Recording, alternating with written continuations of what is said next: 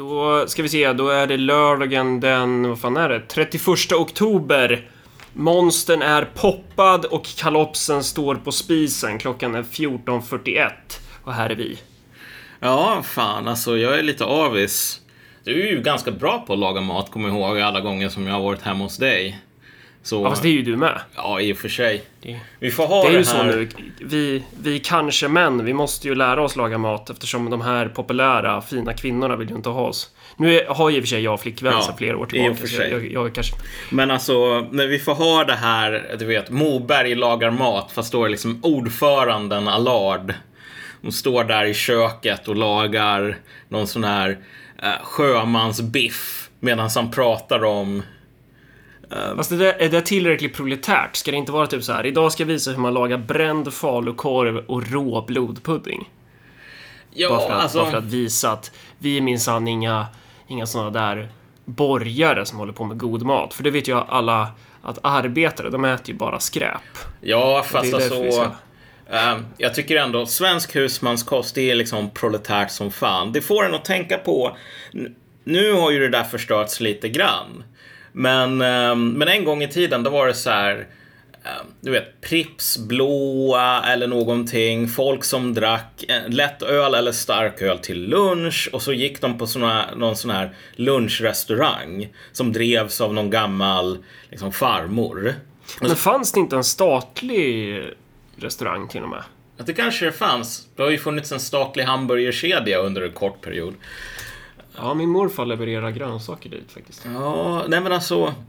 Men det är liksom, man går på någon sån här lunchrestaurang och då är det verkligen typ så här sillbullar eller um, sån här kalops, någon gryta eller någonting. Och så är det liksom redig mat och så går man tillbaks till varvet sen. Ja. Här, här Malcolm. Sveriges Allmänna Restaurangaktiebolag. Sara. We, Det är så jävla bra. Det är we så have to jävla go bra. back. Ja! Ja, nej, eh, fan. Eh, det här är ju väldigt bra liksom eh, sats för att prata om Lars Strömans senaste text. Som handlar om att Marcus Allard leker Lenin och trollar med skattebetalarnas pengar. Eller vad säger du? Ja, det där är, det där är jävligt intressant. Alltså, hur, ehm, hur man nu försöker få det till att så här, eh, om folk röstar på ÖP, då kommer eh, jag vet inte vad, så här, skytteplutonerna och vi kommer att nationalisera jordbruket, kollektivisera alla döda kulaker och så vidare. Vilket är väldigt fascinerande givet att det, det sammanhang som det här, de här grejerna dras fram är då att Marcus Allard, han är för hemsk mot de stackars islamisterna. Och det var kommunisterna med. Och vi vet ju vad det leder till. Ja, det ska sägas för er som inte känner till Lars Strömman, trots att han är vår samtids största politiska tänkare. Eh, han är ju då alltså ledarskribent på Nerikes Allehanda. Eh, och den här texten som har publicerats är ju i likhet med hans tidigare texter så den, den kollas ju av, av ansvarig utgivare och de har ju en ordergång internt på redaktionen och här har ju alla kommit fram till att det här är ju jättebra Lars. Det här, det här publicerar vi. Ehm, och det, det är ju inte första gången han liksom han, han har ju verkligen hakat upp sig på det här med Marcus Allard vill skapa ett parti enligt Lenins principer. Och han nämner det ju, ibland nämner han det bara helt random utan att man ens har utan att jag ens har sagt något typ. Men nu så handlar det då om, precis som du var inne på, att i senaste budgeten här och så har vi ju strypt utbetalningarna till islamisterna, till islamistskolorna. För Örebro kommun betalar ju då årligen 71,4 miljoner till de här islamistskolorna. Eh, och då så vill ju Ströman hamra på att så där kan man ju inte göra. Eh, och dessutom så att, att inte betala ut 71 miljoner, det, det, det kan man inte säga är en besparing. Eh, men det är ju en besparing, för år ett så håller vi inne de här pengarna. Eh, sen om vi skulle gå till domstol och behöva betala ut dem senare, ja men då, då blir det en utbetalning då. Men det är ju liksom... Det är faktamäss, faktamässigt inkorrekt att hävda att det inte är en besparing år ett. Um, så, men, men han liksom trummar igång hela artilleriet på, med anledning av att vi tycker att det är en dum idé att spä på den här islamismen som vi nu har fått se ganska fina exempel på återigen eh, nere i Frankrike. Eh, Och det är så jävla intressant att Nerikes Allehanda de är alltid apologetiska inför islamismen. Ja. Eh, det, de, de kan aldrig så här bara konstatera att ah, det här är ett hot. Och så, med den här tajmingen nu, när man liksom har sågat huvudet av ja, dels lärare men också så här halshuggit eh, stackars småbarnsmorsor. Mm. Eh, då, då rider han ut i islamismens försvar för att det är liksom det är hemskt att Örebropartiet vill hålla inne de här betalningarna. Man måste attackera Örebropartiet, man måste attackera mig och det är egentligen inte islamismen som är stora hotet mot Sverige utan det är Marcus Allard för han är Lenin och, och det är Örebropartiet för vi vill typ göra om Närke till ett sovjetiskt Mordor eller någonting. Den intressanta saken här är ju så här att eh, vad man nu försöker göra och jag tror att det här jag ser ju typ ganska ofta för jag, är ut, jag håller på och söker på typ eh, ute på Twitter sådär. Jag ser ju ganska ofta människor säga saker som en viss sorts människor måste man tillägga. Men du vet att, ja men så här. Populism, det är en fluga. Örebropartiet kommer att få 0,5 procent nästa val, etc. etc. Och det är typ de människorna som nu säger att så här, uh, Örebropartiet kommer att få 0,5 procent nästa val, men um, därefter kommer bolsjevikernas revolution, bla bla bla. Vi, vi ytterst farligt hot mot demokratin och så vidare. Vilket det finns ju en dissonans där. Så jag tror att det finns en viss, en, att man oroar sig lite grann för utvecklingen i den liberala demokratin. Och då behöver man verkligen slå på stora krigstrumman här för mesta liksom kosackvalsretoriken man kan hitta. Problemet är ju bara så här att um, när det gäller de här, den här, de här islamistiska miljöerna. Så vad du hela tiden har sagt är ju att en kommun har massor med olika verktyg att använda. Och de flesta har inte prövats i lag många gånger för att det är så med nästan allting i, i, i, kommunala, i kommunal förvaltning att jättemycket har inte prövats i lag utan man kör bara på habitus. Um, och man ska använda de här verktygen för att sätta dit miljöer som man vet är riktigt skadliga för den svenska demokratin i längden. Mm. Så här, skolor där man har lärare som har varit ner. Ja, men du vet, han bror, han har stridit för IS, här, men han är okej. Okay. Det är inte sådana människor som man ska ha, liksom, lära upp nästa generation. Speciellt inte utsatta områden, givet de problemen vi redan har. Nej men verkligen, alltså om, om, vi, om vi nu inte vill så här, spä på den här segregationen ännu mer, ja. då kanske vi ska se till så att de här ungarna kan få en adekvat utbildning. Uh, och det får de inte på de här jävla... Det här är ju inte ens, det här är inte ens att likställa med skolor. Det här är ju islamistisk hjärntvätt. Ja. Alltså det här, och, och, det är, och anledningen till varför jag säger islamistisk och inte muslimsk är för att till och med muslimer fattar ju det här liksom. Eller vadå mm. till och med? Alltså så här, alla fattar ju att islamism är ett problem. Det här är liksom e- extremvarianten. Det här är ju det här är helt jävla sinnessjukt att vi sponsrar det med skattepengar. Och i förlängningen så innebär ju det här att Sverige kommer att bli ett säkerhetshot för flera europeiska länder. Ja. När vi håller på så här. Jag menar så här. Du vet, när någon, när en rektor på en skola anställer en person eh, som har varit ner och slagits för den islamiska staten och som har bara kommit tillbaks för att de förlorade. Och som tycker att islamiska staten var dålig. Jag ångrar att vi förlorade. Jag, hopp jag hade hoppats att vi skulle vinna istället. Den personen är en jävla fiende. Alltså, det, det, kom inte med allt det här bullshit om ah, jag visste inte, sorry, jag visste inte. Du visste visst. Mm. Och att du anställer den här personen, det är för att du tycker inte att det här är ett stort jävla problem. Och det är ju för sig din rätt att inte tycka. Men kommunen, det svenska folket, den svenska förvaltningen har rätten att inte agera som en sån NPC i ett dataspel. Mm. Men det där är ju intressant för att det är exakt så de andra partierna alltid agerar. Alltså de, de kan stå och uttrycka indignation i media, typ såhär Liberalernas kommunalråd här i Örebro gör det. Hon har ju gjort det till en sport att hon är så himla mycket emot de här skolorna. Och vad gör hon sen då? Mm. Ingenting. Ja, ah, men det är Skolinspektionens uppgift. Jag har ju försökt få med de här partierna i att, i att så att vi ska skriva gemensamma motioner och vi ska gå fram gemensamt för att liksom trycka dit de här jävla skolorna. Det finns ju massa olika verktyg. Det, det, det finns ju ute på YouTube när jag argumenterar för olika metoder och sådär. Mm. Eh, och sen om det nu skulle visa sig, för att just när det gäller det här, det här handlar ju bara om att om Örebropartiet skulle komma i maktställning i Örebro kommun så kommer inte vi betala ut de här pengarna till skolorna. Mm. Och då, då, ja, men då bryter vi mot lagen och det är det som är poängen då. Att ja, då blir det ett jävla liv. Alltså, det, det, hela poängen är ju att skapa ett, ett totalt jävla kaos. Skapa ett jävla liv kring det här. Eh, tvinga upp det här på agendan. Eh, samtidigt som du stryper utbetalningarna så ordnar du en kommunal folkomröstning. Du ska göra så mycket liv det bara går. Mm. Eh, och då tvingar du ju regeringen att, att välja sida. Så här, ja, men antingen så kommer de med en lagändring.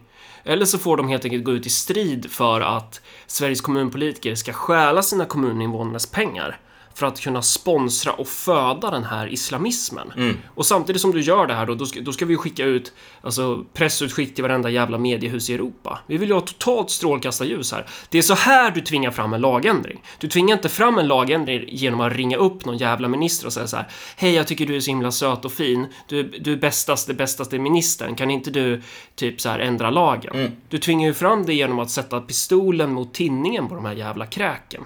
Det är det enda sättet du får till en politisk förändring. Pistolen mot tinningen i Minecraft, Marcus.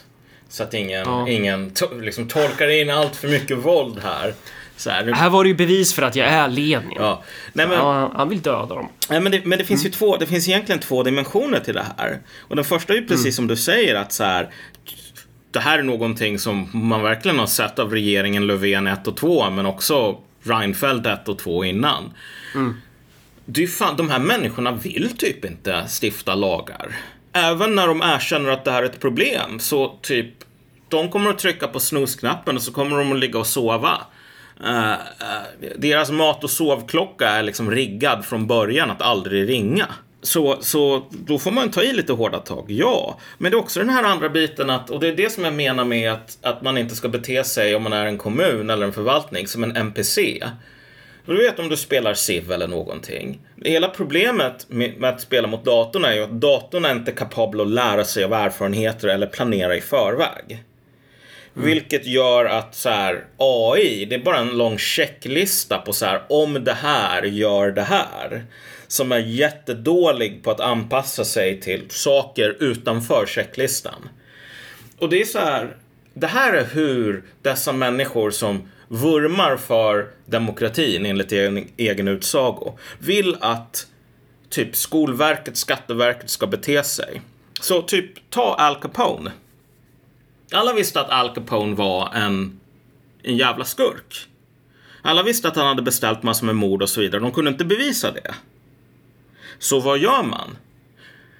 Man är extremt noga med att se till så att han aldrig någonsin felparkerar. Eller du vet, missar och som betalar, skicka in deklarationen. Och, oj shit, här missade han faktiskt att skicka in deklarationen. Okej, då åker du i fängelse. Staten skickar inte ut några jävla torpeder från typ Hells Angels och bara, ja vet du vad, vi kan inte bevisa att du har brutit mot lagen så vi kommer bara döda dig. Och vet du varför de inte skickade ut torpeder? Nej, varför inte? För att de inte var Sovjetunionen. Ja, just det. Jo, men precis. Ja, det är ju För det är alltid- fan vad man hade gjort där i alla fall. Men, men det, det, det vi är inne på är ju liksom, det, det behövs en helhetsstrategi. Att du kan använda det Skatteverket, du kan använda, alltså varenda givet tillfälle. Det är ju så Ja. du gör det jobbigt för Al Capone. Jo, exakt. Jag menar, visst, alla håller med om så här att nej, det är fan inte ett brott att anställa någon person som har slagits för Al-Qaida och hålla på att lära ut eh, den rätta läraren till barnen. Det är inte olagligt. Men alla fattar att det här är fel. Så de människorna som säger vi måste försvara demokratin, när de säger så här, vi ska inte göra någonting. Fucking pytsan! Det här är inte att försvara demokratin. Det här är mer eller mindre att acceptera den här skiten. Eller mer eller mindre, det är att acceptera den här skiten. Det är fan att försvara den här skiten. Vad man kan göra är att se till så att de här människorna ska inte bryta mot några andra regler eller lagrum. Och gör de det, då sätter man dit dem för det. Man ska vara på dem som en jävla igel. Ja. Eh, och det här hade ju Socialdemokraterna, de hade aldrig låtit det komma hit, men om de nu, ja, men nu skulle teleportera hit de gamla sossarna. De hade gjort exakt så. Alltså, då, det, det är he, hela våran... he- Hela svenska lagen är ju typ byggd från en tid då sossarna styrde Ja. Sverige. Då partiet var överallt. Och de fungerar ungefär som ett gäng väldigt flexibla stadgar i, i en i en organisation där du, du behöver bara ha en stadga som är så här, ja, du kan utesluta en person för att den har skadat partiet. Vem, vem som av, avgör vad, vad som är att skada partiet, bestämmer ledningen. Ja. Och sen är du hemma, typ. Ja, alltså en, en, en dator, en jävla NPC, kan inte säga Al Capone, okej, håller på att typ beställa massor med torpeder, dödar folk. Äh, Stort problem. Nu måste vi ändra på någonting i hur Skatteverket jobbar. Om Lars Strömman hade liksom hanterat, bott i USA skulle han väl säga att det här är maffiafobi. Du får inte skicka eh, IRS på Capone. Du måste, IRS måste bete sig så som om Capone bara var en random person. Därför att ingenting i våran checklista som vi har blivit programmerade med som jävla NPCs säger att, ja vet du vad, om du inte kan fälla honom för de här morden som han själv har sagt att han typ utfört. Um, då kan man använda alla andra resurser man har. Men man, man ska ju förstå Lars Strömmans agerande och andra politikers agerande, till exempel Miljöpartiet i Örebro när de går upp och skriker om att, att jag ger uttryck för rasism och islamofobi när jag säger att jag vill stänga ner islamistskolorna. Alltså det de gör är att de agerar ju direkt apologeter inför den här utvecklingen. Ja. Lars Strömman vill ju aktivt hindra människor från att lägga förslag som handlar om att lösa problem. Ja. Hans jobb går ut på att hindra oss från att kunna lösa de här problemen. Det är hela hans syfte. Ehm, och det är ju det som blir... För är att sätta dit de här jävla islamisterna, det skulle, alltså det skulle gå... Kanske inte jättelätt, men det skulle gå. Om vi hade makten över staten. Då, det, det skulle gå. Ehm, de, som är i vägen för det är ju inte liksom islamisterna i sig, utan det är ju den här muren av grå eh, äcklig nyanserad gegga som hela tiden ska komma där och säga å andra sidan och ena sidan. Eh, Faktum kvarstår, de här halshuggningarna i Frankrike, de kommer ju inte från ett vakuum. Ja. Eh, Utan de här kommer ju fram från den här myllan som vi föder i Sverige med skattepengar. Ja. Det finns en koppling där och det, det är därför du behöver ju rycka upp hela den här skiten med rötterna. Du måste ta kontroll och Lars Strömman vill inte det. Han kämpar för att vi inte ska kunna ta kontroll. Ja, alltså det, det intressanta här är ju, och det här är det som är så himla kul, Uh, när man hamnar i sådana här samtal om, om Carl Schmitt som vi har nämnt på podden tidigare. Um, då folk bara säger så här, ja vet du vad, typ Hans idéer ledde obönhörligen till nazism. Så här. Uh, Men grejen med Schmitt var ju att han blev ju riktigt ovän med typ alla i Weimarrepubliken. Därför att han pekade på nazisterna och sa, det här är människor som inte är en del av den liberala demokratin, liksom den, det- systemet, liksom de reglerna, den världsbilden. De skiter fullständigt i det. Om du vill försvara demokratin, då måste du vara beredd att använda dig av undantagsregler. Um, liksom så att du måste kunna säga som en liberal demokrat att om de här människorna är fiender till den liberala demokratin som sådan. Mm. Äh, ge dig själv verktyg och slåss mot de här. Därför att om de vinner, då kommer det vara över för den liberala demokratin. Och alla bara, nej vad fan, vad säger du Schmidt? Nazisterna, de är inte så farliga. De är bara jävla idioter, vi kommer att bara kontrollera dem som marionettdockor. Gud vad du ska hålla på att skapa dålig stämning genom att säga att de ska avskaffa demokratin. Så fort de kommer in, då är det så att alltså, de skiter ju fullständigt i regler om voteringar och så vidare. Så att om de inte har nog med människor för att få se igenom liksom, sina förslag, då hyr de in, då tar de in sina jävla paramilitärer och bara spöar folk och kastar ut dem i salen. Tills de får igenom de grejerna. Och sen så säger de, alltså för att håna de här dumma demokraterna, att vi behövde inte ens ha den här omröstningen. Vi bara spöar skiten ur er och kastar in den för att vi ska vinna en omröstning som inte spelar någon roll i våran värld. Det här är hur islamisterna tänker. Liksom allt det här snacket som de har om lagar och regler och bla bla bla. Det, för dem, det vad den liberala demokratin är för nazisterna. Det är någonting som... man ska- Ja. Men, men, ja men exakt, man ska ju komma ihåg det när de kommer där och gråter om att så här, ja men Eh, provokationer, det är ändå inte okej att rita, rita profeten eller säga att han är pedofil och så här grejer. Eh, alltså bakom där, alltså agendan handlar ju om att de vill ju ta makten i samhället.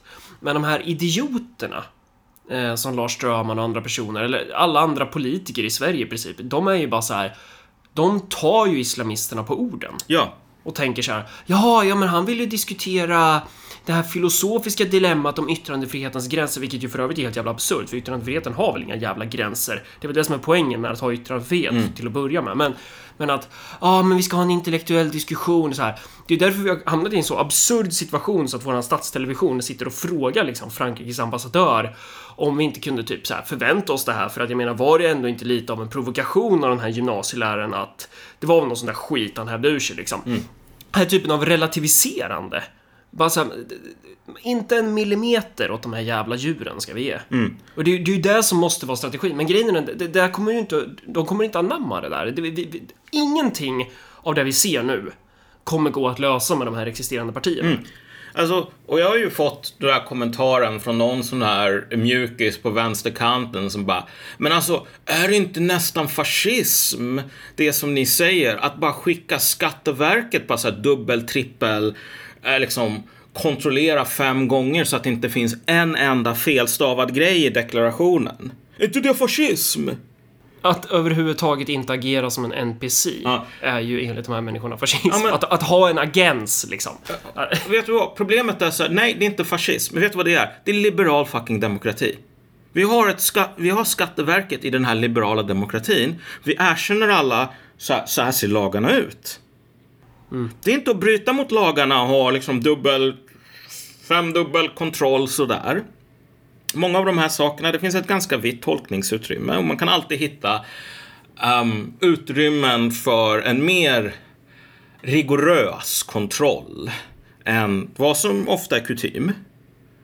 Att använda den liberala demokratins alla verktyg, alltså max, inga spärrar. Om det är lagligt så gör man det. Det här är fan inte typ... Det här är nazism. Det här är fan det som är bålverket mot nazism eller islamism. Um, och som sagt, alltså alla de här attackerna om att, äh, men vet du vad, du vill avskaffa demokratin, uh, Lenin, bla bla bla. Nej. När man sitter och kommer med ett förslag om att så här, här har kommunen den här möjligheten att typ debitera de här skolorna en helt, alltså en, en summa som kommunen själv får bestämma, 100 procent. Den kan vara 100 kronor, den kan vara 100 000 kronor för handläggning. Det är helt beroende på... Eh, liksom, det finns inga lagar överhuvudtaget som, som reglerar det där. Inga alls. Du säger så här, ja vet du vad? Vi behöver göra en väldigt utförlig kontroll för att se till så att ingen av de här människorna fortfarande sympatiserar med IS. Därför att det här skulle ha en menlig inverkan på kommunens elever, vilket vi inte kan tolerera. 500 000 kronor för den här kontrollen. Du vet, det här är inte, och om det nu skulle visa sig vara olagligt så är det åtminstone någonting som det här är någonting som förvaltningsrätten måste faktiskt klargöra. Därför att det finns varken bu eller bä där. Och du vill ju i sådana fall lägga dig så nära som möjligt. Ja, men låt dem pröva det i domstol då. Ja. Alltså du, du vill ju hela tiden pusha dem, du ska ju vara på dem hela tiden. Det är ju så du flyttar fram dina positioner. Och det, på ett sätt, det är ju typ det islamisterna gör i Sverige. De vill ju liksom pröva få man rita Mohammed. De vill ju, de drar ju upp det här med rasism Ja. och hets mot folkgrupp stup i kvarten genom sina jävla... Men, men, men, men tänk dig hur absurt läget är. När Ja. De här onda kommunisterna som du och jag säger. Låt oss göra det som är lagligt att göra. Ehm, och göra saker som täcks av liksom, oklara lagutrymmen. För att på liksom, god förvaltningsmässig sed med eh, anteckningar från alla beslut och så vidare så att vem som helst kan begära ut de här officiella akterna. Bla, bla, bla. Så. Låt oss använda det här för att trycka dit de här människorna som öppet säger att de vill omkullkasta den sekulära demokratin. Och så får man höra från de här människorna. Vet du vad, jag tycker ni är fascister. Ni är fan helt eh, onda. Ni bryr er inte om demokratin. Och de människorna som säger det, de typ försvarar folk som på fullaste allvar säger. Vet du vad, jag tycker faktiskt att den här teckningen, den var eh, inte helt okej. Nu skär jag halsen av fyra människor. Mm. Så här, okej, vilket lagutrymme täcker att om man blir lite ledsen i ögat, då får man skära halsen av typ moster Agda 70 för att hon gick i kyrkan. Det här... Än så länge har vi inte hamnat där, men, men islamisterna och deras allierade, till exempel Svenska kyrkan och alltså stora tunga institutioner, lobbar ju för att vi ska hamna i ett sånt läge då det ska vara olagligt att kunna rita en teckning av profeten. Ja, du vet, för de här människorna så är det okej att skära halsen av folk som ett jävla påtryckningsmedel. Och så har du de här människorna som då säger bara, ja men vet du vad, det blir lite för många halshuggningar om vi säger, om vi har yttrandefrihet. Vi måste fan ta hänsyn till den här demokratiska ordergången som består av halshuggningar för att ändra på lagen. Men vi kan inte, vi, vi kan däremot inte ehm, använda lagen. För, för det är odemokratiskt. Jag skrev ju där på Twitter att så här, egentligen det är inte så mycket att, att, att haka upp sig över det här med de här halshuggningarna eh, och hur islamismen intensifierar sina attacker mot Europa som sin helhet. Utan det är ju bara det är ganska lätt att lösa det här och det är bara att vi alla anammar islamismen. Så slipper vi ju liksom oroa oss för att provocera någon. Eh, och då, då var ju det klart. Att det, det, det, alltså för, för det är det man ska komma ihåg. De här människorna kommer ju aldrig sluta. De kommer ju aldrig kompromissa. Utan i grunden så handlar ju det här om en konflikt som är... ehm, man kan inte ha islamism och ett västerländskt samhälle sida vid sida. Någon av dem måste gå segrande ur striden genom att förinta den andra. Ja, Eh, och det här är ju ett faktum som Europas politiker blir mer och mer smärtsamt medvetna om, men eftersom vi alla ligger 20-30 år bakåt, framförallt Sverige och svenska politiker, så väldigt många människor kommer dö på grund av att de här politikerna inte tar de här problemen på allvar. Och en del av den här problematiken är att vi uppfostrar barn som är födda i Sverige Istället för att lägga dem i svenska skolor och fostra dem enligt svenska skolors normer och regler så skickar vi in dem i den djupaste, svartaste jävla tänkbara utanförskapsscenariot. Där vill vi placera dem. Och där indoktrinerar vi dem till att bli radikala jävla islamister. ja. Alltså, det, och det är det som är, jag blev faktiskt tillfrågad från någon sån här SVT-are. Um, um, skulle göra någon sån här reportage om, om den här tankesmedjan Oikos då. Och så bara, Malcolm, du kan väl inte förneka att så här, SD har ett enormt problem med rasism, att det håller på att ploppa upp hela tiden. Och jag bara, jag vet inte, det var tidigt på morgonen så jag, jag, jag, jag sa ju vad jag tyckte, inte det som jag borde ha sagt. Så jag sa bara så här, svarade, du, svarade du Heil Hitler? Eller vad Nej, nej, jag sa... eh, men jag sa bara så här, nej vet du vad, jag köper inte den här berättelsen om det hemska rasistiska SD. Det där är fan bara jävla nonsens. Därför att alla de här grejerna som du pratar om, åh kolla rasistiska SD, de typ klätt ut sig i någon sån här Hugo Boss-uniform modell 1940 på någon dum svensexa. Eller så har de sagt negerboll på Facebook Messenger. Det här är inte saker som har strukturell påverkan. Medan du typ, du går inte i taket över att en jävla före detta liberal politiker säger, vet du vad, inga invandrare i min skola. Invandrare raus. Håll invandrarna i gettot, för mina barn är fan för fina för att beblanda sig med, med det här packet. Så länge som man kan lägga fram det som jag just sa eh, på ett lite finare sätt. Så länge man kan säga invandrare i invandrargettot i Minecraft, slutparentes. Då är det fan okej. Eh, men alltså om du fan stoppar in människor i ett jävla getto och bara säger så här. Ni får ha era islamistiska skolor eller inga skolor alls, det skiter vi i. Håll er i ett jävla getto i, i Warszawa. Våga inte gå ut därifrån. Du har fan placerat en tidsfördröjd dödsdom över de här människorna. Men det, det, det är okej. Det är det som är grejen, den här jävla kampen mot rasism. Eh, alla antirasister är helt okej med, eh, med den sortens politik som de facto objektivt kommer att leda till att massor av de människorna som de säger att de, de värnar om, de kommer fan att dö. De är inte bättre än de här sydafrikanerna som säger nej, nej, nej.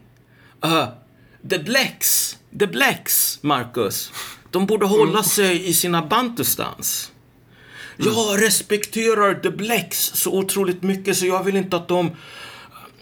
Att deras, du vet, o- oga-boga djungelinstinkter eh, förpestas av modernt avlopp eller skolor. Jag bryr mig om the blacks.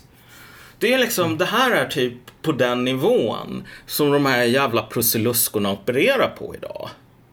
Mm. Fan, vi, vi spelade in förra avsnittet på det här temat. Vill vi, vill vi köra... Ska jag släppa det avsnittet eller ska vi köra Ja. det i, igen i mer komprimerat format i det här avsnittet? Ja, vi kan väl köra det i, i det här. Nu, nu har jag rantat klart nästan kände jag på ett plan. Men då, då, kast, då kastar jag det avsnittet som vi gjorde förra veckan då. Ja, ja, så kan vi göra. Då kan vi säga här, här och nu, typ så här 30 minuter in så här. Hej allihopa, nu, nu är vi tillbaka. efter, efter vårt uppehåll. men, men, för det här är ju en, det här är en större fråga. Ja. Eh, som, som också då relaterar till det här med Alltså att, att man i- i dagens politik så har man så svårt att överhuvudtaget tänka på demografi och befolkning. Ja. Att typ så här, ja men vilken sorts befolkning du har spelar roll för dina möjligheter att ha ett samhälle eller att, att bedriva politik, typ. Att det, det här moderna sättet att, att se på politiken är typ att vi är bara individer som bara svävar runt så här som någon lös gas. Det finns liksom inget... Eh. som typ när man, när, man pratar om så här gamla socialdemokratin. Eh, man kan ju ta Sverigedemokraternas dokumentärer som ett exempel på det då. Ja. För de har ju gjort dokumentärer som bevis för att Socialdemokraterna är hemska. Eh, och då tar de ju upp det här att Socialdemokraterna bedrev ju tvångssteriliseringar och, och hade ju överlag en, en, en, idé om Alltså man hade demografin som en relevant variabel för vilken politik man ville föra. Och jag försvarar liksom inte tvångssteriliseringar, men jag tycker det är så talande för att då det här partiet som man målar ut som livsfarliga för att de då skulle bry sig för mycket om demografi, i själva verket lyfter fram socialdemokratins eh, förmåga att bry sig om demografin som någonting högst negativt. Eh, det, är, det är högst negativt att tvångssterilisera någon för man tycker att citat, den är sinnesslö. Eh, för övrigt borde vi dock börja använda det begreppet igen. Sinnesslö. Ja. Ja, det är ett väldigt bra begrepp. Eller att någon bara är... man man steriliserar någon för att den är citat, en idiot. Eh, men hur som helst. Eh, det ska vi inte göra. Men! Men! Jag är inte för tvångssteriliseringar, men! Det... Att, att överhuvudtaget prata om demografi inom politiken är relevant. Vi måste börja göra det igen. Eh, om man då tittar på liksom så här Eh, menar, om, om man tittar till exempel på de här befolkningsprognoserna som ligger till grund för alla kommunbudgetar. De prognoserna analyserar ju definitivt inte i klass eller någon slags materiella termer, utan det är ju bara så här kvantitativa analyser Ja. hela tiden. Man, man, man, man drar liksom ut ett genomsnittligt fertilitetsvärde för kvinnor i åldern X till Y. Ja. Men man tittar liksom inte på att den här gruppen reproducerar sig så inåt helvete mycket snabbare än den här gruppen. Och då alltså den första enda gruppen är ju då kanske bidragstagare, invandrare, eh, det kanske somalierna. Jag vet, inte, jag vet inte vilken invandrargrupp som reproducerar sig mest. Och då skulle vissa säga så här, är det överhuvudtaget relevant? Är inte det rasism att ens tänka på? Nej, det är det inte. Det kallas politik. Ja. Och det är superrelevant att, att titta på hur, hur mycket reproducerar man sig och, och vilken typ form av klass är det man reproducerar. Eh, kommer de här människorna ha en, kommer de här barnen ha en möjlighet att bli en del av produktiv produktion? Eller kommer de bli en del av liksom det här transferiatet, migranttransferiatet? Det här är superrelevant. Eh, och också då kommer det ju rent naturligt då att landa i slutsatser om man behöver styra eh, reproduktionen av vissa demografiska segment. Man, man måste göra det. Det är liksom, man kan inte förbise det.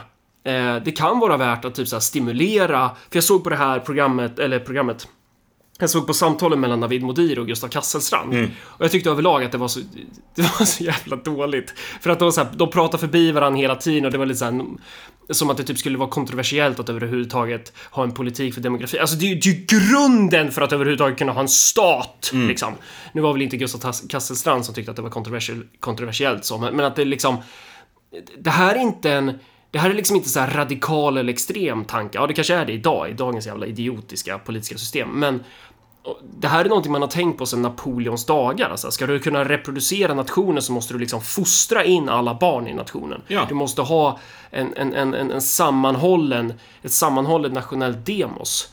Eh, och dit jag vill komma någonstans är att det som kommer bli relevant att titta på framöver vare sig man vill eller inte, det är att börja vikta barnbidrag. Det är så här, jag skulle inte bli förvånad om man i vissa kommuner kommer typ så här säga så här, ja men du kommer få socialbidrag eh, på premissen att, att du sätter dig ner här och så tar du den här vita plastmuggen med vatten och så tar du det här p-pillret och så sköljer du ner den nu. Annars får du inte ditt socialbidrag. Alltså, för, för vi är på väg in i en sån situation. Eh, och, och frånvaron av assimileringspolitik eh, kommer, kommer vara bidragen till det här. Man kan tycka att det är jättehemskt, men jag tror att, att det är exakt dit vi är på väg. Ja, alltså det här, du sätter du fingret på någonting som är ganska centralt. Inte bara när det gäller demografi utan också liksom vad, vad alternativen som, som, som folk erbjuds i Sverige idag faktiskt är rent politiskt. Mm. Och sådana här människor som Lars Strömman, i deras värld så är det så att, ja vet du vad, välj typ vilken sosse eller moderat som helst, det är samma jävla gegga. Um, välj dem och så får du demokrati och sunt förnuft och styre och du vet, folk följer lagar och allting är så himla fint. Välj Marcus, välj Örebropartiet och du kommer att få svält och äh, lagtrots och så här arkebuseringsfrutoner som skjuter faster Agda för att hon är en kulak. Det här är dina ja. val. Pytsan, det är inte alls vad valet står emellan. Valet står emellan precis den scenen som du pratade om här. Um, vi, du, du, får inget socialbidrag för du har blivit gravid. Um, I en sossekommun där det är S och MP som håller på. Men där det liksom inte finns någon som helst, det här är liksom, det finns ingen jävla plan. Utan nu är det bara, nej nu har problemet blivit för illa, nu ska vi liksom bara eh, helt på random, bara för att få det här problemet att försvinna så ska vi hålla på med det som kallas för signalpolitik ett litet tag. Och sen så kommer vi att skita i lagen och bla bla bla. Medans de människorna som idag, du och jag, är ganska ensamma om att prata om de här problemen. Vi pratar om dem därför att vi vill att de här sakerna ska vara någonting som man faktiskt kan diskutera kollektivt. Du vet, i god demokratisk ordning. Typ, vad är det för samhälle vi vill ha? Vad är det för metoder vi ska använda? Mm. Eh, problemet är inte ens att såna här strömantyper kommer att göra ingenting. Problemet är ännu värre än så. De kommer att göra saker som inte kommer att ha någon effekt alltså som bara kommer att vara random grymhet. Mm. Och så kommer de att göra det för eh, precis som de här liberalerna då som säger så här, ah, vet du vad, vi ska ha oändligt med invandring till Sverige, bla bla bla, och sen säger nej, vi ska inte ha några invandrare i, i mina ungars skolor. Det är liksom den av på-knappen från 0 till 100 och tillbaks igen. Och det, och det vi vill trycka på någonstans är att det krävs en helhetssyn och du måste erkänna ja. att håller du på med politik, då håller du på med nationsbygge. Ja, exakt. Och nationsbygge kräver en kollektiv fostran. Ja. Det spelar ingen roll hur, hur liberalt hjärnskadad du är. Alltså, till och med Napoleon fattade det. Alltså, liberaler i grunden förstår ju det här mm. någonstans, men idag så har vi ju den här... Vi har ju... Vår stat har ju gjort så att vi svenskar har blivit så jävla dumma i huvudet så vi tror att staten är naturtillståndet. Mm. Den är inte naturtillståndet och inte heller individen så som vi känner den som en konsekvens av staten. Det är inte heller ett naturtillstånd. Eh, utan det här är liksom... Det är supernödvändigt att titta på demografins komposition. Det är supernödvändigt att se till att du inte spä på den här segregationen med dels islamistskolor men också med till exempel Vivalla-skolan. Alltså Örebropartiet vill ju lägga ner Vivalla-skolan. Mm. Och då är det ju, finns det säkert några väljare som kommer vara så här, Men vadå, jag vill inte ha de här jävla blatteungarna i min skola. Mm. Men och jag har väl någonstans en förståelse för det, att folk känner så. Jag ska, jag ska säga det rent öppet såklart, att, att så här, man är ju orolig att det ska bli sämre för ens barn mm. ifall det kommer in eh, elever som kräver mer liksom uppfostran eller, eller mer liksom omhändertagande från lärarna. Och det här finns ju ingen anledning att hålla på och trippa runt mm. när man ska berätta om. Men det vi vill göra är ju inte då som de andra politikerna gjorde när de la ner högstadiet. Då spred de alldeles för dåligt så det blev typ så här 10 Vivala-elever i typ årskurs 8 ja. som dyker upp. Liksom. Det är klart som fan att det kommer bli kaos. Det vi vill göra är att så här, varje ny årskurs 2 ska man successivt fasa ut. Eh, så då kommer det vara ungefär 65 till 70 elever tror jag per generation. Eh, och då fasar vi ut dem, ja men då sprider vi dem på 30-40 skolor. Mm. Och, och då ska man också beakta då, även här, den etniska kompositionen. Sen är det en jävla skillnad på invandrare och invandrare, så är det. Men invandrarskolor, mm. det vet vi ju vilka det är liksom. Vi behöver ju inte hålla på och hålla för ögonen när vi ska pinpointa ja. problemet och lösningen. Eh, och får du då två Vival-elever i en skola ute på vischan, det är klart som fan att de ungarna kommer bli integrerade, eller i alla fall ha större chans att bli integrerade, eller inte integrerade, assimilerade. Det är ju assimilation vi vill ha. Mm. Det är klart att det fungerar. Jag tror på det, för att alternativet, det är ju liksom att ja då får vi låta Vivalla-skolan vara kvar. Och då kommer, här ska man också komma ihåg att det är inte bara för att folk är religiösa idioter som de väljer då, eller till och med liksom politiska extremister som de väljer att deras barn ska gå i islamistskolor, utan det finns faktiskt eh, en grej vi ska komma ihåg här och det är att det är lugnare i de här jävla islamistskolorna än vad det är på kommunala Vivalla-skolan. För Örebro kommun är så... Eh, vi har inte tillräcklig kapacitet att kunna, att kunna erbjuda en bra skolgång på de här skolorna. De här ungarna, de är, de är fucked for life om de får gå där. Eh, och det här som ni hör, man kan kalla det blodtörstig kommunism eller blodtörstig nazism eller bara gammal hedlig svensk socialdemokrati eller populism. Whatever. Det här är liksom en idé om att nationen är en kollektiv angelägenhet. Och man kan inte bara så här hålla för ögonen och slå på NPC-mode och tro att det här kommer lösa sig själv. Utan det här är, någon, det är en aktiv process som man måste bry sig om. Vet du vad, alltså jag, och och det här återigen, liksom kopplar ju ihop till det som vi sa tidigare. Vilket är att den enda personen som är beredd egentligen att säga, nej men som att säga öppet, inte mellan skål och vägg. Vet du vad, jag kan sympatisera med de här föräldrarna. Som faktiskt inte vill sätta, liksom ha de här människorna från Vivalla i sin skolklass. Av liksom, det finns rationella skäl där, det är inte bara rasism. Nej, herregud. Ja, det, det, Absolut ja, inte. Men den enda som, som är beredd att säga det i, i, i, i egenskap av, så att säga, politiker. Det är ju i princip du. Och det roliga är ju att då får ju man höra det här. "Ah, hemsk fascism. Medan alla andra bara kör den här grejen att Nej, jag tycker att det är jättefint. Du vet, det inga problem alls. Och sen så stödjer de en jävla namninsamling sen till slut om att nej, vi ska inte ha några blattar i våra skolor. Det här med att inte prata om problemen. Det här är inte, no, det här är inte en neutral hållning.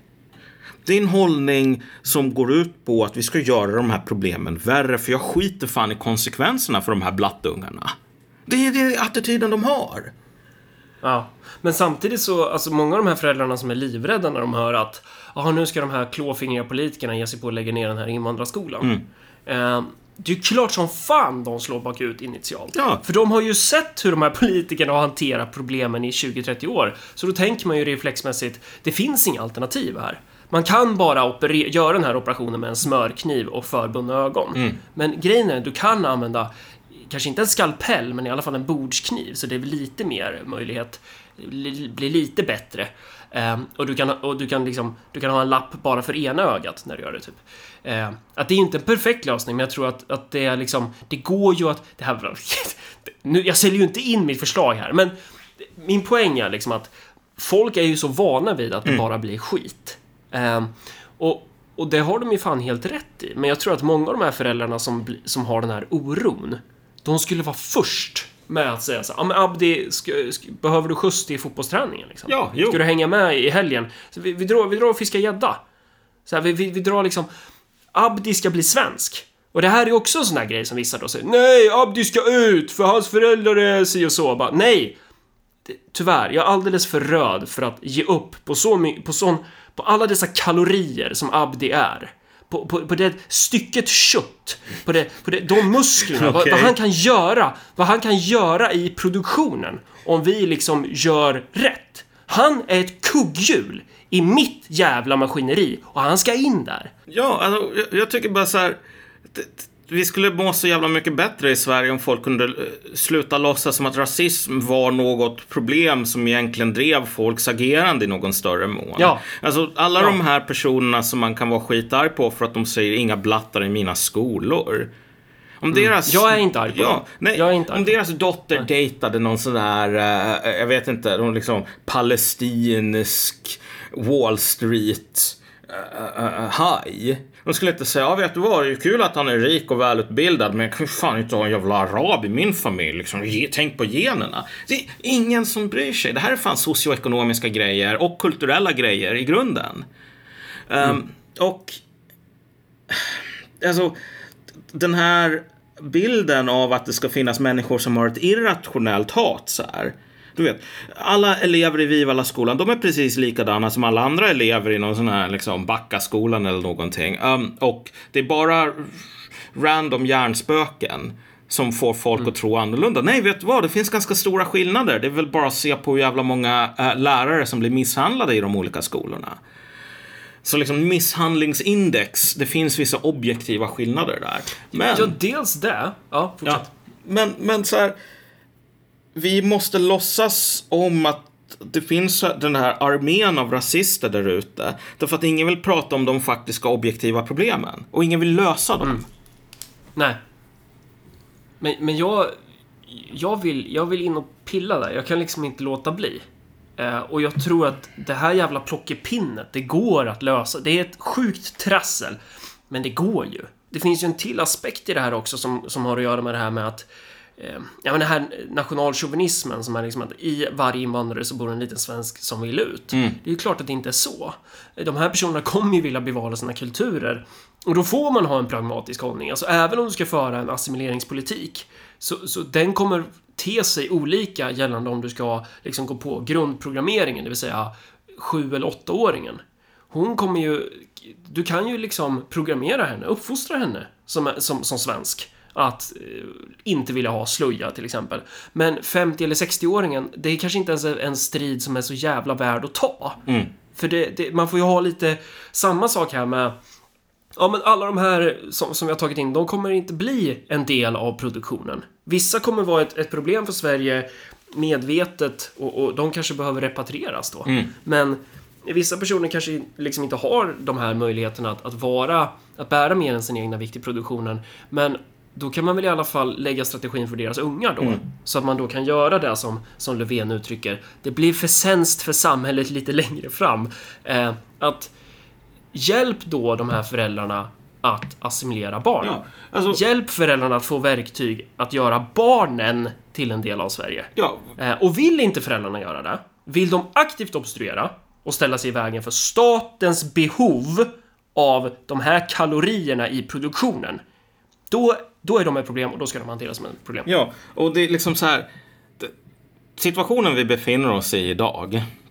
Och jag menar, och jag märker ju hur, alltså vänstern, alla de här moralens väktare, dessa jävla godhetsapostlar, hur de rör på sig så jävla snabbt.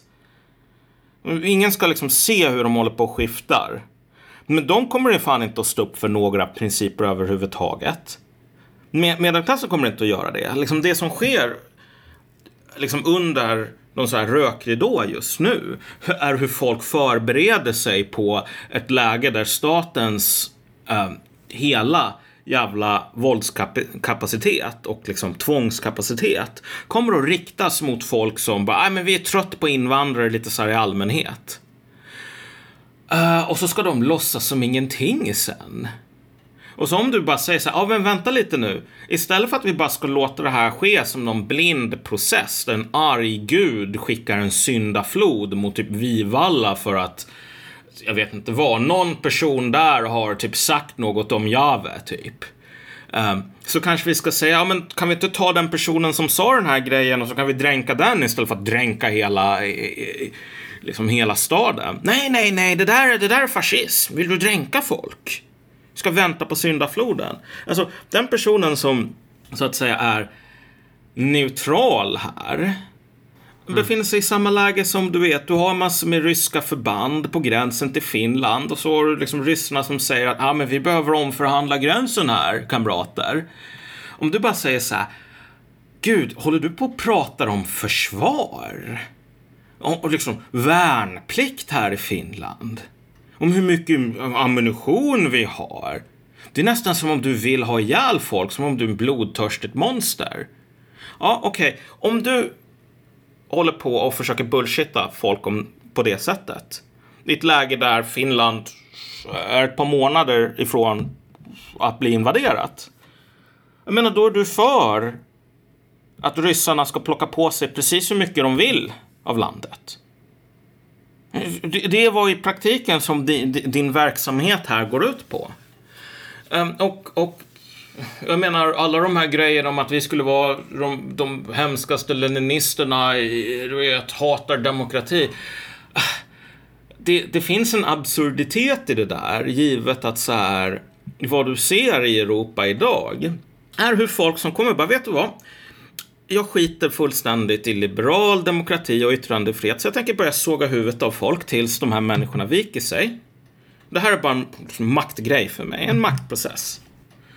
Och så har du då de här försvararna av liberala värderingar som säger, nej men vet du vad, om du sågar av huvudet av folk så kanske liberala värderingar inte är så himla eh, värdefullt ändå. Vi, vi, vi kan nog ta och avyttra dem. Så här. Därför att om du, du blir ju provocerad, då är du på att döda oss. Här. Ja, det är ju, då är det ju dig det är synd om.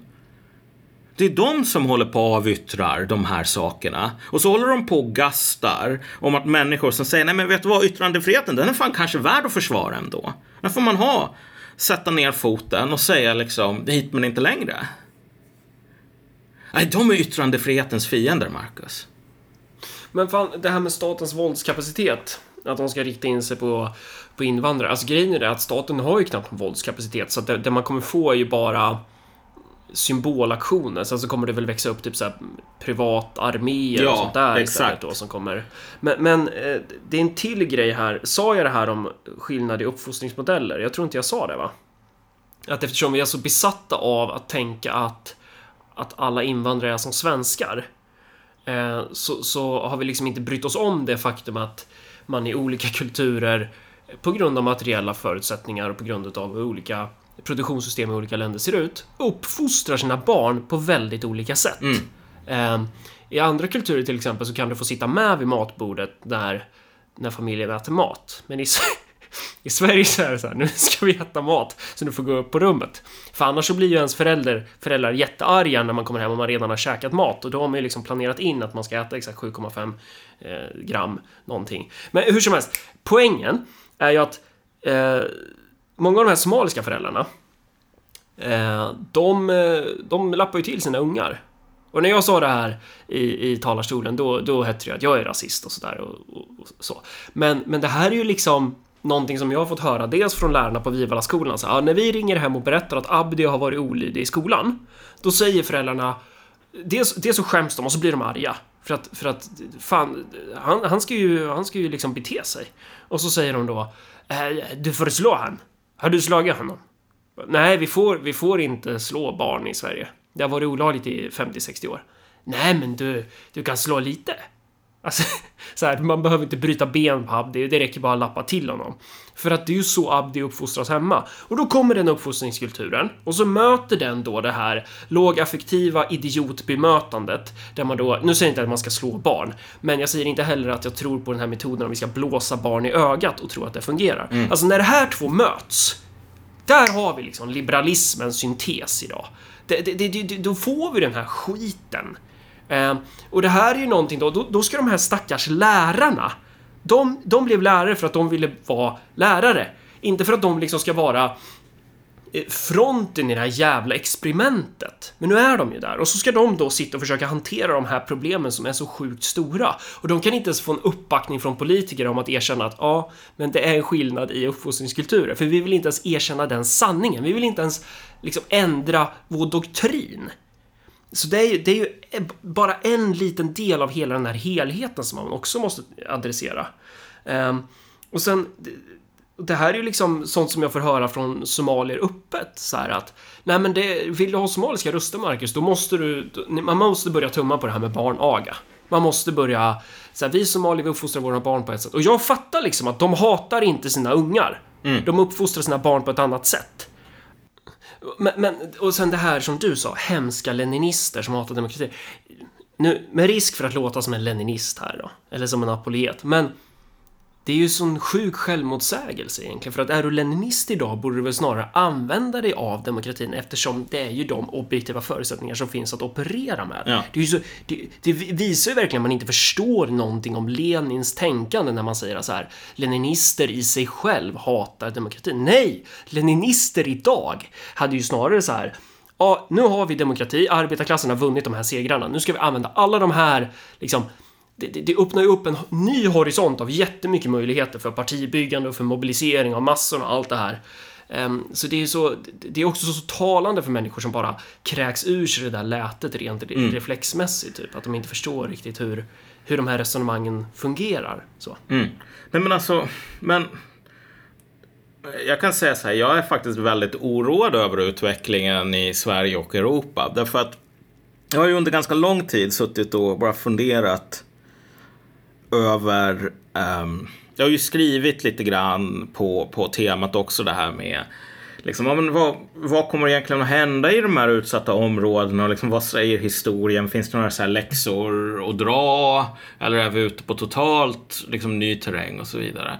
Och en sak som man märker är att så här, om du bara säger att om du bara säger jag är, jag är intresserad av att försöka studera historien för att se om man kan dra några lärdomar om vad vi går emot folk kommer att stirra på dig på ett speciellt sätt. Liksom, som att du, du, förstör någonting eller att du gör någonting som du egentligen inte borde göra. Sen kan man inte riktigt förklara varför man egentligen inte borde göra, men det, men, men, men det är någonting där.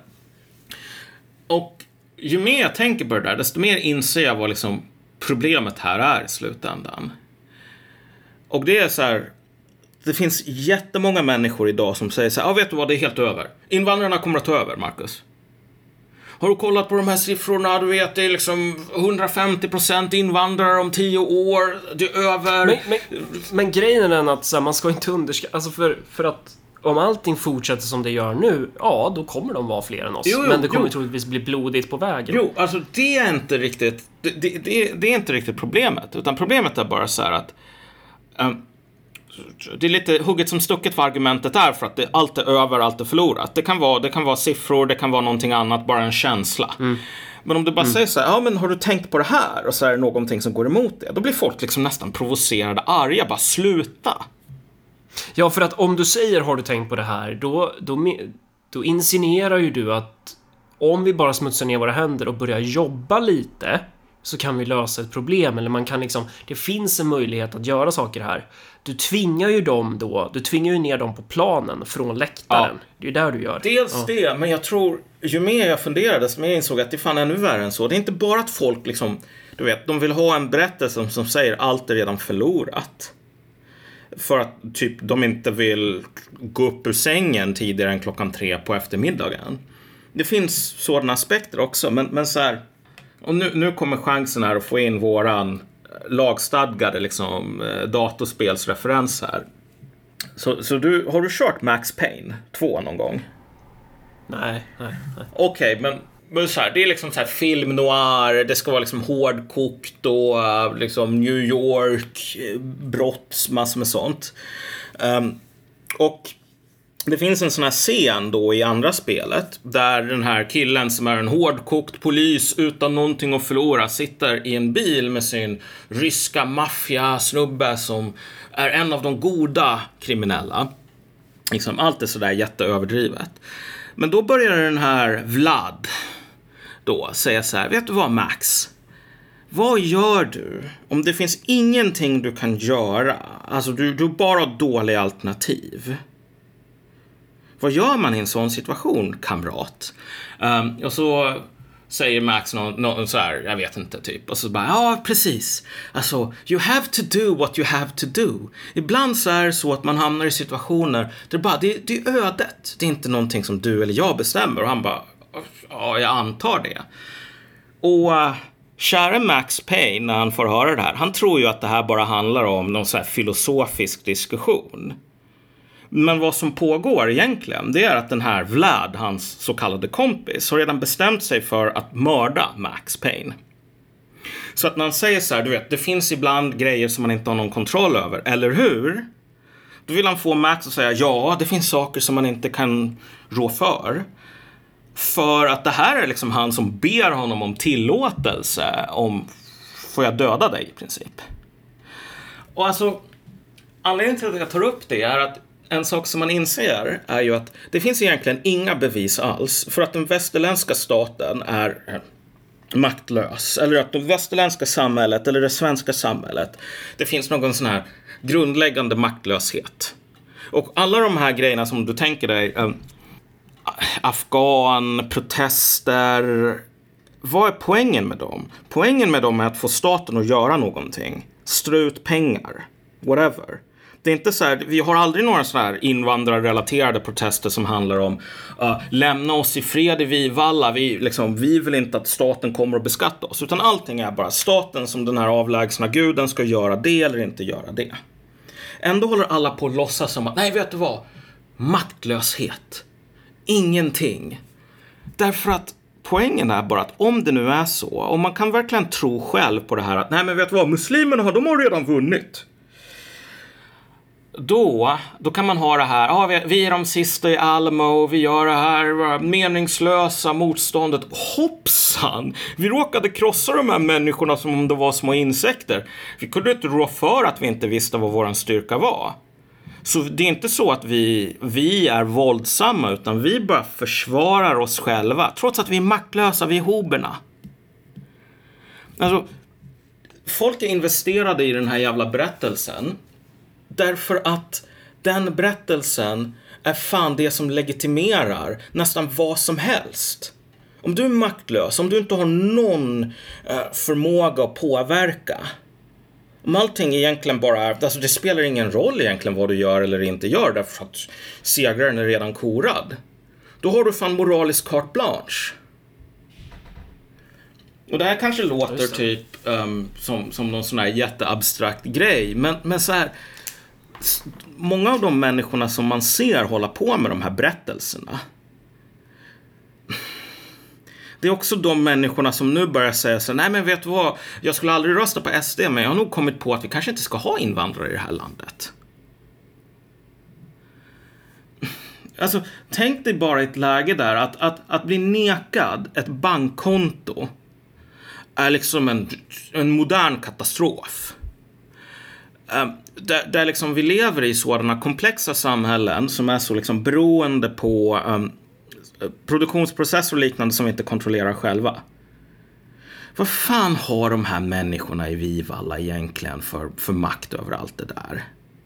Kul att du säger det där med bank. En av de där ägarna till alla Shar-skolan, alltså den här islamistkoncernen. Han, han skulle ju starta en islamisk bank mm. för, för då de här pengarna som Örebro kommun betalar ut till islamistskolorna. Ja. Um, så det...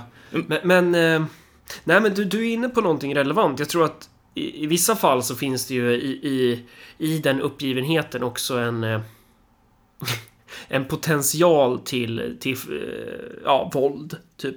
Men jag tror också det finns att, att uppgivenhet, uppgivenheten är uppriktig. Ja, att många jo. känner att så här, ja men det här är kört. För man, och dels då politiskt engagerade människor som inte liksom har sett eller fått träna möjligheten att faktiskt vända och vrida på de här lagarna som finns och se hur opererar vi med de här verktygen.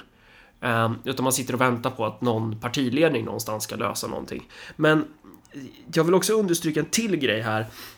För jag, jag vill inte att, att, att vi ska uppfattas som alldeles för positiva. Um, ja, precis. Så, så, det är ju så, ofta risken. Att, Ja, nej, men för att jag sa ju förut att det finns ju möjligheter och så här. Och, men jag vill bara vara noga med att understryka, just nu finns det möjligheter. Mm. Men det kommer inte alltid liksom finnas en möjlighet att bedriva den här assimileringspolitiken, utan eh, skogen brinner just nu. Mm. Eh, och ju tidigare vi bygger brandgator och hinner förebygga innan elden når viss kritisk punkt, desto mer hanterlig kommer den vara. Mm. Men, men det finns liksom ett tillfälle då, då problemet kanske blir omöjligt att lösa. Då, då är det inte ens är värt att lägga en motion om att lägga ner Vivalla-skolan. Ja, nej men... låt, det här, låt det här fortsätta i 15 år till. Då är det ingen idé att lägga en motion om att lägga ner Vivalla-skolan. För att det kommer inte ens finnas politisk potential att, att, att ens prata om assimilering i den möjlighet, för då kommer det vara så, så liksom drakoniska repatrieringsinsatser som kommer vara relevanta i politiken överlag, tror jag. Jo, exakt. Så, så att det är liksom, jag, jag, vill inte att någon tror här att, att, att jag kommer att predika liksom hopp och fred och guld och gröna skogar, tvärtom. Jo, tvärtom. Men, men, men, men hopplösheten här också, som, som man måste, måste adressera, den handlar ju inte bara om så här typ, jag tror inte att IVO, denna heliga myndighet kommer att kunna lösa allting. Det kanske om fem år så kommer IVO kanske vara överspelat. Alltså, där är ju verkligen hopplöshet befogad. Men alltså så här helt konkret, om du tänker dig. Hur många andra situationer finns det genom historien? Då du har alltså människor som är i, i objektiv bemärkelse ytterst parasitära på en världbefolkning som är mycket större än de här människorna. Och det måste man alltid hålla i, i åtanke när man pratar om invandrare som en grupp. Att invandrare är inte en grupp. Eh, de här eh, läkarstudenterna eller apotekarna på biomedicinum som heter typ Märta och sen något svåruttalat så här kaldeiskt efternamn.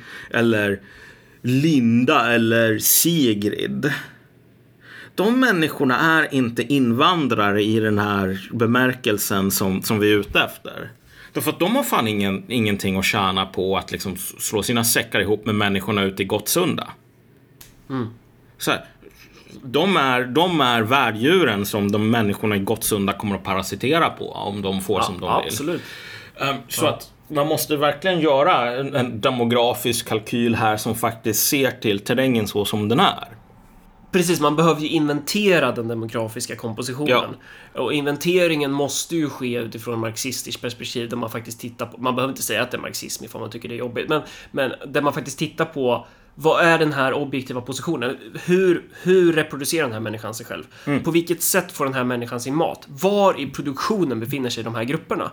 Du måste göra den inventeringen, men istället så springer folk runt, klappar händerna över huvudet och säger Jag är liberal, jag är liberal, det finns bara individer. Ja. Och då är det lite svårt. Alltså, och, och, och här är grejen så här.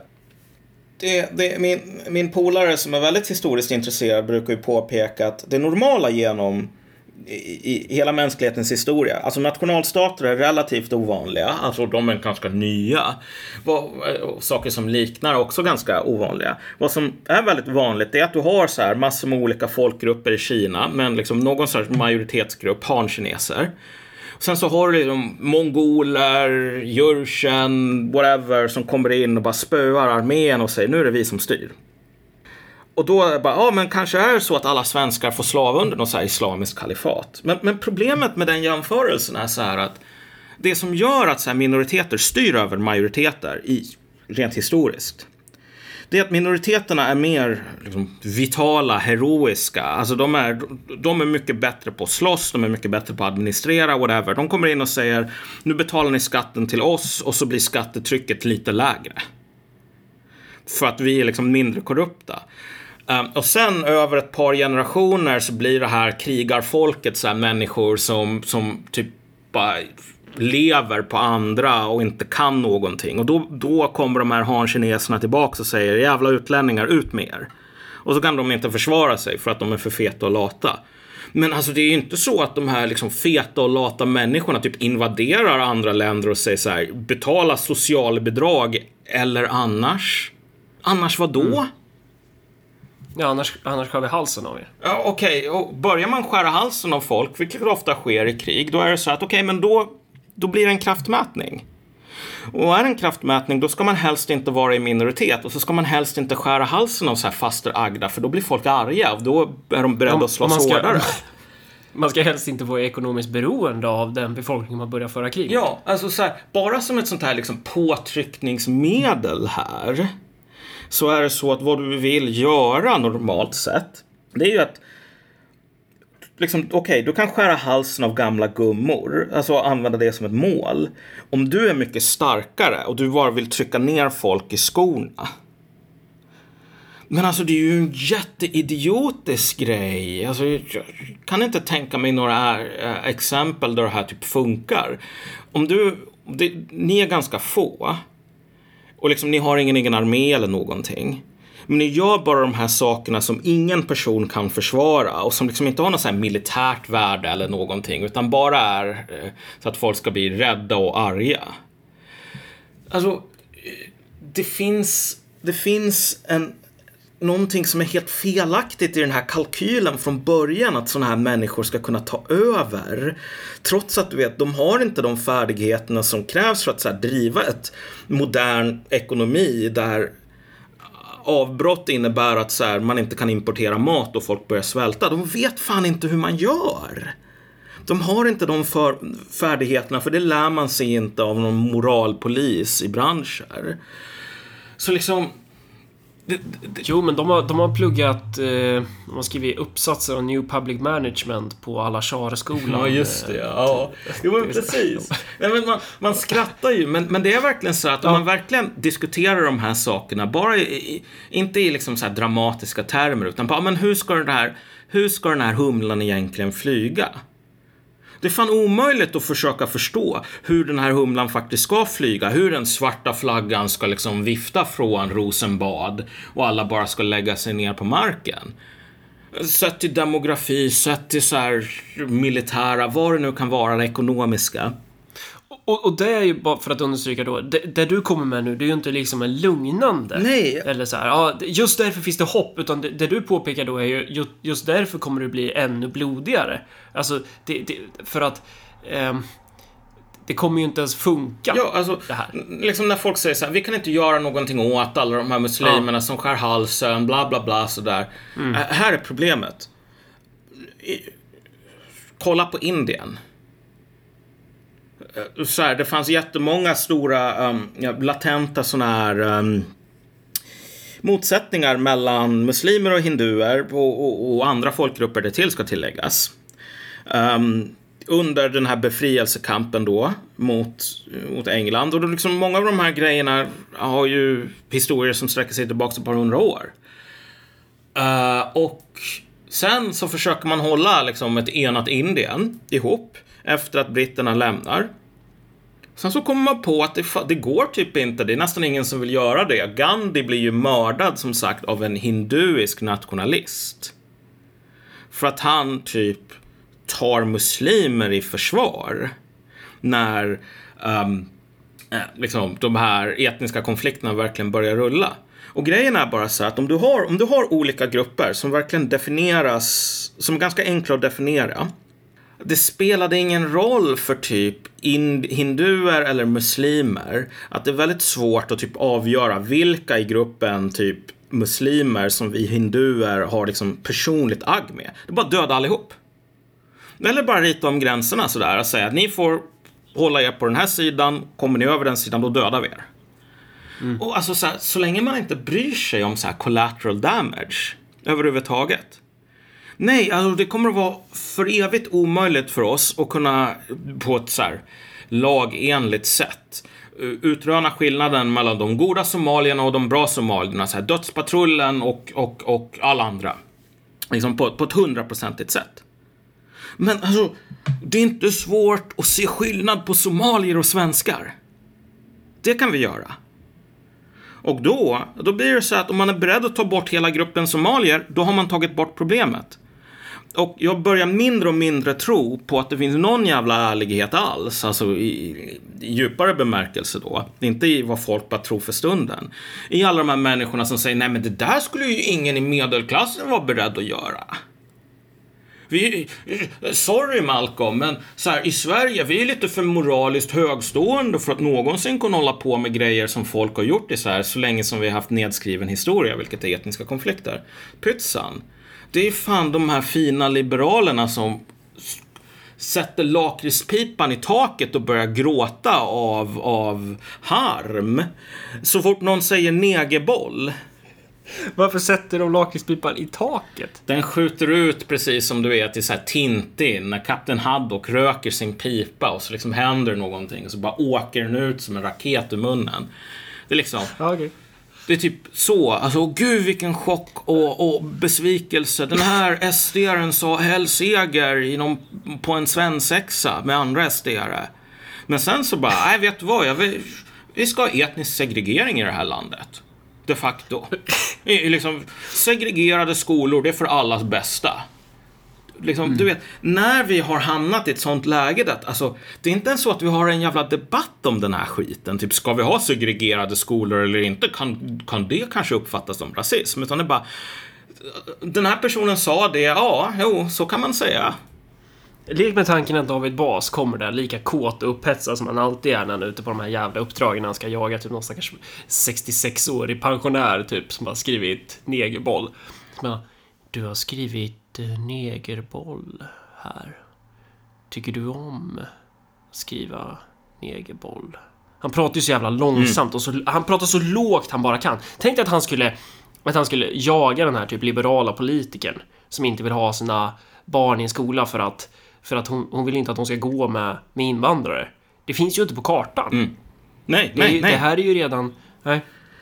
Nej, men exakt. Och, och, och, du vet, Sverige har redan demonstrerat en enorm kapacitet att bara låtsas som ingenting. Bara sticka ner huvudet i sanden. Så du vet, de här Södertörns-utbildade unga lärarinnorna, liksom 24 år, Maj-Britt typ. Äh, vet du vad, vi lever i ett patriarkalt system där vi har en könsmaktsordning och en våldtäktskultur. Det är jättebra med metoo.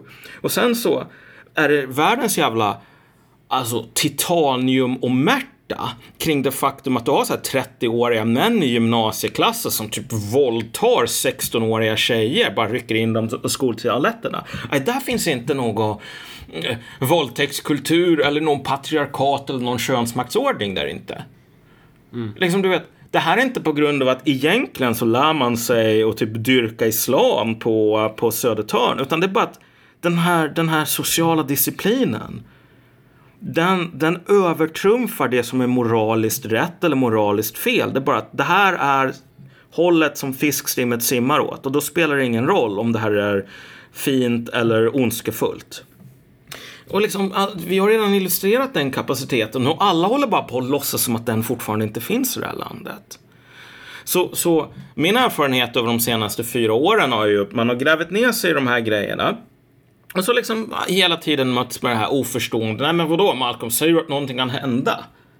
Och så bara, ja okej, men, men det här då? Kan du inte liksom köpa det här argumentet och bara Nej, jag vill inte tänka på det här längre. Hej då, nu byter vi ämne. Liksom. Vad såg du på tv igår, Malcolm? Men, men oavsett vad, så alltså någonting som är väldigt nära nu, det är ju att det, finns ju inget parti och ingen, ingen politiker idag som på något sätt jobbar för att stävja utvecklingen. Nej. Utan det enda som kommunicerats, det är ju det är bara symbolhandlingar. Och mest förbannad blir jag på Moderaterna och Kristdemokraterna, för de är fan de som fejkar mest. Alltså d- typ Ebba Busch Thor står där inför typ så här 28 stycken eh, så här, proffsfotografer och så ska de typ stagea en, en bild i en studio där hon ser jävligt beslutsam och folklig ut. Typ. Alltså det är, så här, det är så jävla plastigt allting. Eh, och så ska hon vara lite så här jag vet inte, arg i en debatt typ. Över att det, det, det går inget bra med den invandringspolitiken. Men hennes kommunala företrädare, de står ju, de står ju på led för att, alltså de slåss ju om, i alla fall i Örebro, om vem som kan ge mest pengar till islamisterna. Alltså det är det, de, de här partierna, det, det är farligt. Att, att folk att vissa går på att de här partierna står för en annan typ av politik, för de gör verkligen inte det. De ljuger oss rakt upp i ansiktet. De representerar inget, inget alternativ överhuvudtaget. De är samma skit och de har inga lösningar på de här problemen vi står inför. Nej. Vi behöver nya partier, vi behöver nya politiker. Eh, och det, det är ju den typen av partier och politiker som, som full, ja men som oss. Politiker som, som, som slaktar de här heliga korna. De, de, de är i vägen. Ja, Flytta exakt. bort med dem. Alltså, och, och som sagt, det värsta här är inte att, att det, folk ska vara rädda för om de hade lite jävla heder i kroppen och faktiskt brydde sig med andra människor. Det är inte liksom, vet du vad, IS tar över. För det kommer fan aldrig att hända. Det är inte en realistisk grej att vara rädd för. Det är inte en realistisk grej att vara rädd för att så här, att Sverige kommer att bli liksom en provins i stor Somalia. Det, det finns inga, det finns, det finns inga liksom... Vad är de, vad, nej, men vad är det de ska vara rädda för då? Alltså vad är det som är problemet? Typ? Alltså, när folk fotföljer den här utvecklingen just nu, vilket är att man, nej, vi måste skydda de här heliga korna, medan de faktiskt rent objektivt blir mer och mer beredda att och, och, och acceptera nästan vad som helst. Alltså, återigen, det är en sorts mindfuck den här Trollhättan-grejen, därför att det här skulle ha varit otänkbart för ett par år sedan. Folk då, för ett par år sedan, skulle ha sagt att okej, om du säger att invandrare ska hålla sig i sitt getto och, och, och, och vi ska inte göra någonting åt det där. Du, du, du, har ju, du, du garanterar att de här människorna aldrig kommer att bli en del av Sverige. Alltså, ingen skulle kunna säga så utan jättemycket mothugg. Och nu är det bara, ja, mm, okej. Och sen, ja. ja. Och så fortsätter alla spela sin Och, teater. och, Typ. och ingen låtsas ens som att det här är liksom en enorm glaciär som håller på och typ ramlar ut i sjön. Men jag vet inte, alltså för att... ehm, jag tror att saker kommer bli jävligt mycket värre innan... Ja, ja. Innan, alltså så här, så som jag ser det, vi har objektiva förutsättningar att kunna bygga ett parti. Ehm, den politiken vi för, den är, det finns en stark efterfrågan på den. Vårt problem, eller mitt problem, är ju att ehm, det är de subjektiva förutsättningarna som måste, som måste åtgärdas och, och dit räknar jag då alltså partiets organisatoriska förmåga att växa. Vi är för svaga som parti än så länge. Ehm, men jag är ju stressad över den här utvecklingen för jag ser ju liksom, ja men det brinner ju överallt och vi, vi vet hur vi ska kunna släcka de här bränderna. Vi har förmågan att kunna, kunna angripa de här problemen och folk tror på vår förmåga att kunna göra det också. Um, men, men kom ihåg det att de här politikerna som vi har, de har inte den förmågan. Och varenda jävla gång någon jävel öppnar käften och börjar å ena sidan och andra sidan så häller de bensin på elden. Ja, exakt. Det, för, för, det ska vi komma ihåg, alltså med så här, ja men typ nu när Erdogan liksom står och pratar om hur, hur de ska stötta muslimer i Europa så här. Alla fattar ju vad som är på väg att hända. Mm. Eh, det här är en grundläggande konflikt mellan islamismen, eh, mellan, mellan värderingar som inte är kompatibla med, eh, med de samhällen vi har i Europa. Mm. Och dit inkluderas Sverige. Um, och, och, det är en konflikt som, som bara kan lösas på ett sätt och det är att den ena sidan förintar den andra. I Minecraft. Eller ja. Nej men alltså när, när du säger förinta så känner jag bara mig man och då säger jag på det här äh, sättet som en, en, en, en slav måste förinta en slavägare för att kunna uppfylla sina politiska mål, vilket är att sluta vara slav. De har inkompatibla världsbilder. De behöver inte hålla på att döda varandra nödvändigtvis, men det, det som måste förstöras är liksom förmågan att äh, äh, kunna försöka införa islamism i Europa. Mm. Vilket, jag, jag, vet att det är det du menar, men alltså... Har vi fått något sagt nu? Har vi sagt någonting överhuvudtaget? Är det här ett avsnitt? Ja, det tror jag faktiskt. Nej, men alltså, det är ju... Det här är ju liksom ett stort eh, quote unquote problemkomplex. Men jag tror att de generella teman har ju, är ju någonting som vi faktiskt har avhandlat eh, en i taget här. Att så här... Det viktiga här i slutändan är att förstå att för att försvara de liksom, liberala och demokratiska principerna, yttrandefriheten, allt det där. Alltså de människorna som säger att de försvarar det genom att konstant gå på reträtt och bara säga nu pratar vi inte om det här.